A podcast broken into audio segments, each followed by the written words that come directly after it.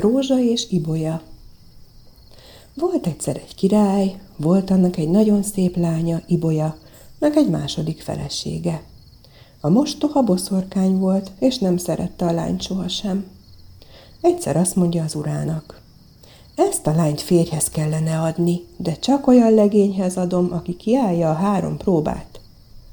Mentek sokan nézni Ibolyát, de senki nem tudta megkapni, mert senki se tudta kiállni a három próbát. Meghallotta ezt a szomszéd király, azt mondja a fiának, Rózsának. Erre egy nézd meg azt az ibolyát, ha szereted, vedd el, ismerem az apját, jó ember. Felkészült a királyfi, elment szétnézni. Legelőször is a királylányjal beszélt. Hozzám jössze, szívem szerelme. Jaj, ne kérj meg, válaszolta Ibolya, mert a gonosz mostohám három kérdést intéz hozzád, s ha azt nem tudod megfejteni, véged. De nem ilyet meg Rózsa. Bement a királyhoz, megkérte Ibolya kezét. A boszorkány is bement, és azt mondta, ha a három próbát kiállod, akkor elviheted Ibolyát, másképpen nem. Az első próba. Látod azt a nagy hegyet ott? Azt, ha elhordod onnan, a helyét szőlővel beülteted, leszüreteled, szép piros borából holnap kóstolót hozol. Elment Rózsa nagy búsan egyenest Ibolyához. Min búsulsz? kérdi tőle a lány. Jaj, nem tudom megtenni, amit a mostohát kér, akkor pedig nem leszel az enyém. Azt mondta, azt a nagy hegyet az éjszaka hordjam el. A helyét ültessem be szőlővel, szüreteljem le. Holnap délben szép piros borával tisztelegjek nála. Csak ez a baj, mondta Ibolya. Akkor csak feküdj le nyugodtan, kelj fel hat órakor reggel, öltöz fel, úgy gyere hozzám. Lefeküdt Rózsa, másnap reggel, mikor fölkel és kinéz az ablakon, nem lát hegyet sehol sem, de látja a szőlőt. Felöltözik, megy Ibolyához. Ibolya tartja a kezében az üveg piros bort. Itt van, vidd a vénasszony szobájába, add oda neki. Mikor a vénboszorkány meglátta, hogy Rózsa hozza a bort, a méregtől majd bepukkadt, de azért azt mondta, ez már ideig jól van, de látod azt a nagy erdőt? Kivágod a fáját, ölbe rakod, a földet felszántod, beveted, holnap reggel szép kalácsával tisztelkedel nálam. Elment Rózsa nagy búsan Ibolyához.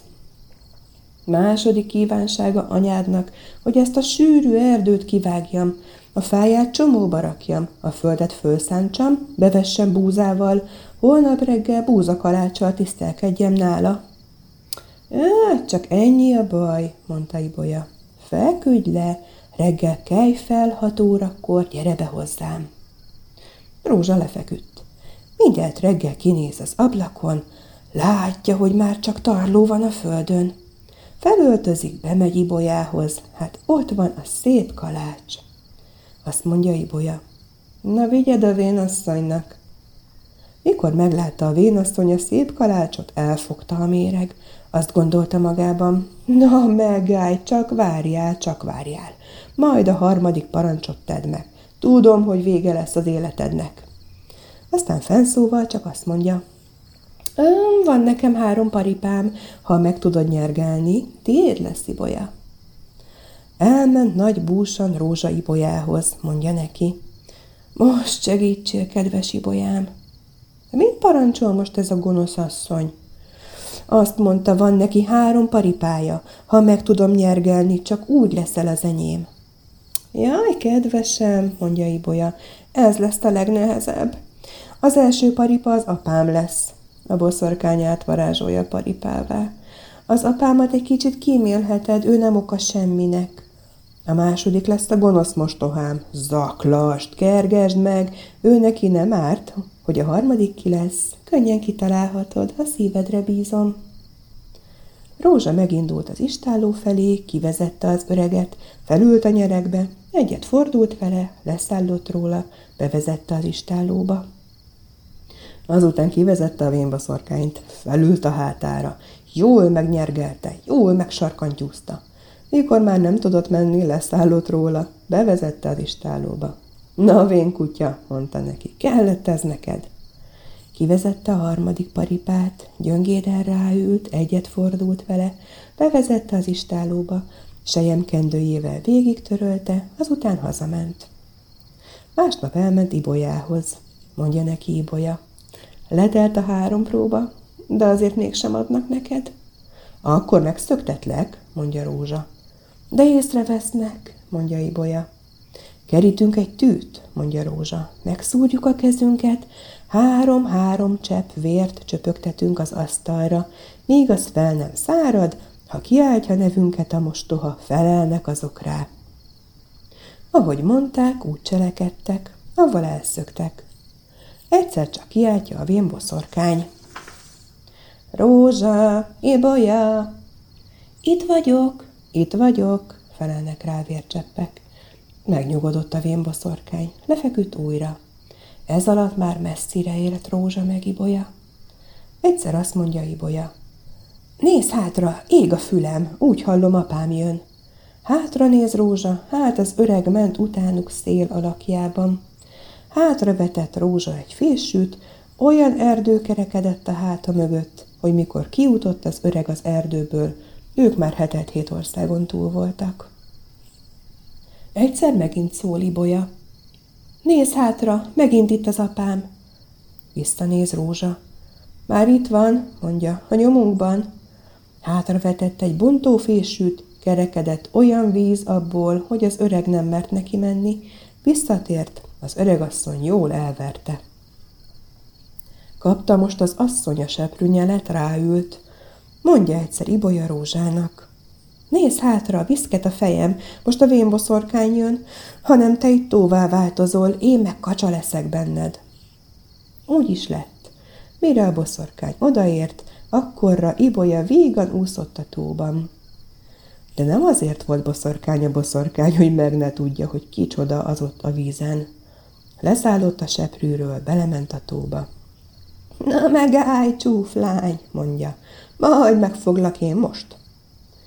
De Ibolya tudta, hogy mit akar a mostoha, beljebb ment a tóba, ahol legmélyebb volt, aztán hirtelen Ibolya kiszállott, visszaváltozott lányjá, rózsát legényé változtatta, felkapta a seprűt, elmentek vele, meg sem álltak rózsa birodalmáig. A vénasszony pedig hazament, jól elverte a vénembert otthon. Te vagy az oka, hogy ilyen a lányod, mondta. Az öreg erre megátkozta a lányát, hogy Rózsa felejtse el. Hát, amint megy Rózsa meg Ibolya, ezt mondja Ibolya. Eredj te előre, én csak az apát házáig megyek, ha kellek, eljöttök értem, majd én addig ködből palotát építek. Elindult hát Rózsa egyedül. Az apja éppen a kapuban ült. Ugyan, hol jártál, merre jártál, hogy ilyen sokáig oda voltál? kérdi a fiától. De az elfelejtett mindent, nem tudott megszólalni semmit se. Na, jó, hogy hazaértél, megházasítlak, holnap lesz a lakodalom, mondja az apa. Ó, van, édesapám, itt is az ideje. Másnap jöttek is a lakodalmasok. Ibolya látta a menetet, azt mondja egy koldusnak. Nektek adom a palotát, ha kiáltjátok, amit én mondok. De a koldusok azt mondták, hogy nem vesztik el hivatalukat érte. De volt ott tíz cigánygyerek is, Ibolya azoknak mondta.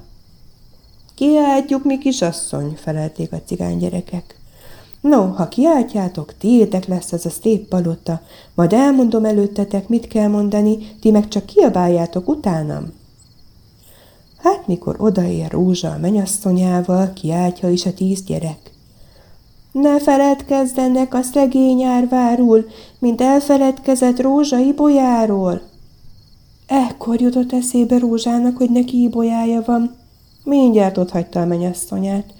Ibolyához szaladt, a menyasszony pedig a vőlegényéhez, mert annak is volt másik vőlegénye, akit szeretett, Rózsához csak azért akart férjhez menni, mert gazdag volt. Aztán minnyáján megesküdtek, a menyasszony a vőlegényével, Rózsa meg Ibolyával. A cigányoknak pedig ott maradt a nagy palota, megörültek neki, mert semmiféle ivadékuknak sem volt olyan. Lefeküdtek benne, és éjfél felé azon veszik magukat észre, hogy nagyon fáznak. A csillagokat látják a fejük fölött, alattuk pedig a zöld füvet, mert a palota ködből volt és elpárolgott. Na, még így sose csaptak be bennünket, mondták egymásnak. Nem is tudtak volna a lábukon megállni, ha három lábuk nem lett volna. Szégyenletükben világnak mentek, ezért nincs most három lábú cigány. Itt a vége, fuss el véle, ugorját egy más mesére, báta székről bátára, öreg anyám hátára.